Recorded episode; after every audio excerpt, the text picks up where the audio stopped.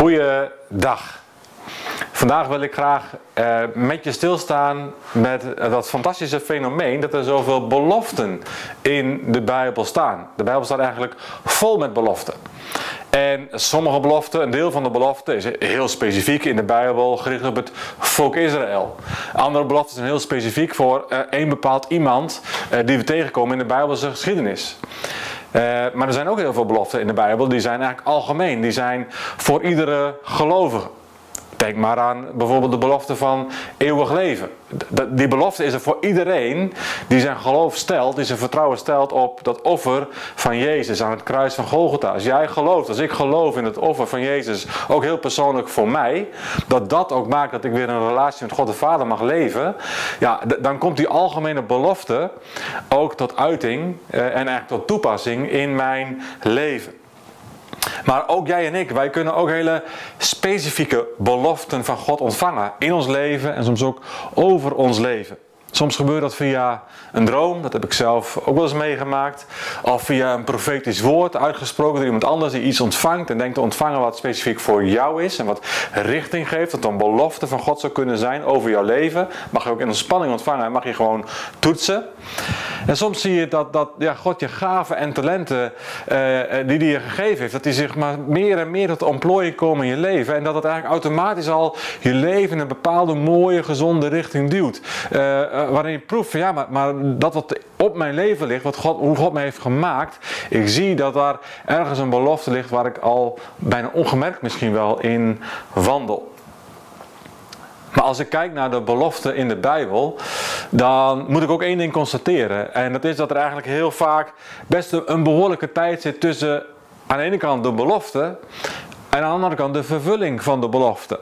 Er zijn momenten dat zitten vrij dicht bij elkaar, maar heel vaak zie je dat er een behoorlijke tijd zit tussen de belofte zelf en de vervulling van de belofte. En we zien ook dat dus niet alle beloften tot vervulling komen, omdat het ergens onderweg misgaat. Dat de belofte niet gevuld kan worden, omdat er bijvoorbeeld ongeloof of ongehoorzaamheid is. Sommige beloften hoef je alleen maar te ontvangen denk maar aan Isaac, die ook de, de, de belofte via Abraham ontvangt. Hij hoeft alleen maar te ontvangen. Hij hoeft eigenlijk niks te doen. Hij heeft maar met handen klaar te zitten. En de belofte komt tot vervulling. Handen open en ontvangen maar. Uh, een heel ander type belofte is de belofte aan Jozua. Het land wat je binnengaat, ik zal het je geven meter voor meter. Maar Jozua die moet wel ook tegelijkertijd zelf als generaal van dat uh, Joodse leger, zou je kunnen zeggen, volle bak in actie. Ja, God heeft de belofte gedaan. Ik geef jullie dit land meter voor meter. Maar je moet het wel zelf innemen. Het vraagt ook om actie van jouw kant. Eh, en tegelijkertijd, soms is, is zelf in actie komen juist ook weer niet de bedoeling. Zo zie je, het is echt maatwerk. Het is echt heel specifiek. Denk maar aan Abraham. Die een leven lang moest wachten op de belofte van een zoon. Via zijn vrouw Sarah. Maar dat duurde te lang. Uh, en hoe begrijpelijk het ook was gezien de leeftijd van Sarah. Uh, uh, maar, dan toch maar die eigen route kiezen. Toch maar als mensen denken, nou ja, blijkbaar lukt het God niet. Of, of het duurt te lang. Of het kan toch eigenlijk niet meer, menselijkerwijs. Dan moeten we zelf maar die belofte tot vervulling laten komen. En hé hey, Abraham, slaap maar met Hagar. Dan zul je bij haar een kind verwekken. En dat zal dan de zoon van de belofte zijn. Maar zo werkt het niet. En dan komt het onderweg dus ook echt aan om onderscheid. wanneer moet je wachten? Wanneer moet je blijven wachten? Wanneer moet je misschien toch ook zelf in actie komen? Dat vraagt om ja, bezinning. Dat vraagt om gebed. Dat vraagt om stilte, om het tijd doorbrengen met God de Vader. Dat vraagt soms ook echt om geduld hebben en geduld houden. Uh, en we zien het heel vaak in de Bijbel dat, dat soms uh, uh, je kunt denken van ah, nu gaat het gebeuren. en dan is daar een grote belofte. Denk alleen maar aan Jezus zelf bij zijn dood. Daar de belofte eigenlijk in de vorm van een duif. De, de, de vervulling, de, de ja, doop met de Heilige Geest. Hoe je het ook maar noemt. Maar feit is dat je zou denken, nou nu ontvangt Jezus alles om, om de belofte die er toch op zijn leven ligt, ook als Messias, om die tot vervulling te brengen. Wat gebeurt er? Eerst 40 dagen in de woestijn. Niks meteen wandelen in de belofte, maar eerst die periode in de woestijn. Het volk Israël. Dat had daadwerkelijk de kans om eigenlijk heel snel het beloofde land. De titel zegt het al. Het land wat beloofd was door God. Ze konden het heel snel innemen. Maar ongeloof en ongehoorzaamheid maakt dat ze 40 jaar moeten wachten. Onnodig moeten wachten. Omdat ze niet geloven. Omdat ze niet kunnen geloven. Dat God doet wat hij belooft. En Paulus. Paulus, die, wordt geroepen. Die wordt van een paard gesoden, maar niet het, uh, door een lichtflits. En een, een heftige ontmoeting met Jezus. En Paulus, hij was gepassioneerd en na zijn bekering hij is nog net gepassioneerd. Alleen zijn hele perspectief is omgedraaid. Hij zou denken, Paulus, man, dat die komt meteen volle bak in actie. Maar eigenlijk, de meeste bijbelgeleerden zijn het erover eens dat voordat Paulus in actie komt en we al die fantastische verhalen uit handelingen lezen, dat hij eerst 14 jaar in Arabië heeft doorgedracht. Waar we niks van weten. Uh, waar ik denk dat hij ook echt zat te wachten. Niet alleen te wachten, maar ook heel intens aan het studeren was. Hoe kan het zijn dat ik het altijd verkeerd heb gezien? Hoe kan het zijn? Hoe, hoe moet ik het dan zien? De hele Torah, hij was zo doorkneed in de geschriften. Hij was opgegroeid aan de voeten van Gamaliel. Hoe heeft hij alles kunnen missen? Maar, maar wat betekent dat dan als Jezus zegt: Ik ben de vervulling van alles wat in de wet en de profeten en de geschriften over mij geschreven staat?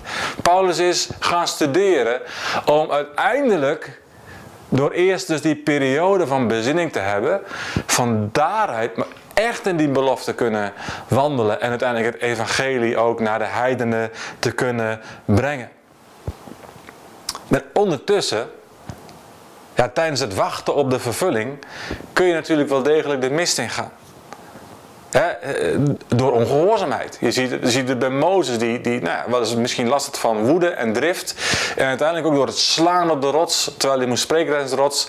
Uh, het ongehoorzaam zijn aan God. We kunnen zeggen, nou dat is best een stevige sanctie. Maar toch, Mozes, ja, hij belandt niet in het beloofde land. Omdat hij ongehoorzaam is. Het volk belandt niet in het beloofde land. Het volk wat in eerste instantie uit Egypte werd bevrijd. Uh, de verspieders, 10 van de 12, halen het beloofde land uiteindelijk niet. Waarom? Ongeloof. Niet geloven dat God het echt bij machten is om ook al die reuzen en dergelijke te, nou ja, te verdrijven uit het land, zodat het land ook echt van hun kan zijn. Teleurstelling is ook zo een. Ik bedoel, Elia, eh, ga maar na, grote overwinning op de berg Karmel over de Baalpriesters. Uh, en uiteindelijk, hij, hij vindt hem uh, 200 kilometer verderop in de woestijn onder een doornstruik. En, en dan komt God en, God stelt eigenlijk maar één vraag. Hij luistert helemaal niet naar de klaagzang van Elia. Maar joh, wat doe je hier? Elia, wat doe je hier? Jij bent niet op de plek van de belofte. Wat doe je hier? Ga terug. En ik geloof persoonlijk dat dat een woord is vandaag. Voor sommige van de mensen die dit horen. Dat God jou misschien nu wel de vraag stelt: joh, de plek waar jij bent in je leven, de afslagen die je hebt genomen de laatste jaren. Dat God eigenlijk jou de vraag wil stellen: joh, maar wat doe je hier? Ga terug. Ga terug naar de plek van de belofte. Dat is wat ik voor je heb. En het is niet deze plek. Hou de belofte voor ogen. Je ziet in de Bijbel dat alle beloften uiteindelijk echt wel tot vervulling komen. Eh, ja, de Messias, dat hij zou komen, duurde veel langer dan het Joodse volk in het Oude Testament lief was. Maar hij kwam wel. En net zo goed als wij kunnen denken, de wederkomst, ja, komt hij nog wel? Ja, die komt echt. Ook als dat veel langer duurt dan ons lief is en dan, dan ons al lang lief is. Maar hij komt wel. En tot die tijd is het voor ons de kunst om te leven uit de belofte. Hou vast aan de belofte en onderweg doe het goede. Hou vast en doe het goede. En, en, hoe je dat doet, daar wil ik mee afsluiten. Nou, kijk naar het leven van Jozef. Jozef had ook duidelijke beloften van God ontvangen hè, via die dromen. Ja, de droom over zijn leven al, maar, maar vervolgens belandt hij wel in de put. En belandt hij wel in slavernij. En belandt hij wel in de gevangenis. En ja, we lezen heel mooi, God was bij hem. God was bij hem, ook in die periodes waarin al die beloftes ogenschijnlijk uit beeld waren verdwenen. En, en misschien ervoer Jozef dat niet. Maar wat bijzonder is om te lezen in zijn leven, dat hij wel trouw bleef. Hij bleef trouw aan God. En hij bleef daarmee ook trouw aan de belofte. En God, God beloont hem. En God gebruikt dat. En, en dan zie je helemaal aan het eind van Genesis, als dan eh, Jacob ook naar het land is gekomen en Jacob komt overlijden, dat dan zijn broers alsnog bang zijn dat Jozef ook alsnog wraak zal nemen voor het feit dat zij hem in die put hadden gegooid en hadden verkocht als slaaf. Maar Jozef heeft altijd vastgehouden aan de belofte. Ook toen het hopeloos was. En je proeft in zijn respons op zijn broers, en dat wil ik graag met je lezen. Eh, als ze aanbieden van nou, dan willen we wel je slaaf worden, dan proeven we dat hart. Het hart van het leven uit de belofte. Genesis 50, vers 19. Maar Jozef zei, wees maar niet bang. Broers, wees maar niet bang. Ik kan toch Gods plaats niet innemen? Jullie hadden kwaad tegen mij in de zin, maar God heeft dat ten goede gekeerd om te bewerken wat er nu gebeurt.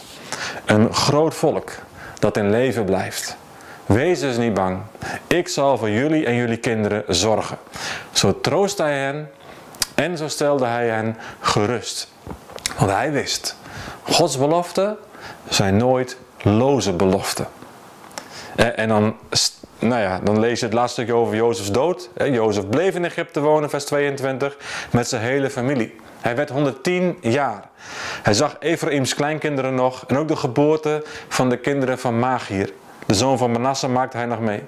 En toen hij zijn einde voelde naderen, zei hij tegen zijn broers: God zal zich jullie lot aantrekken.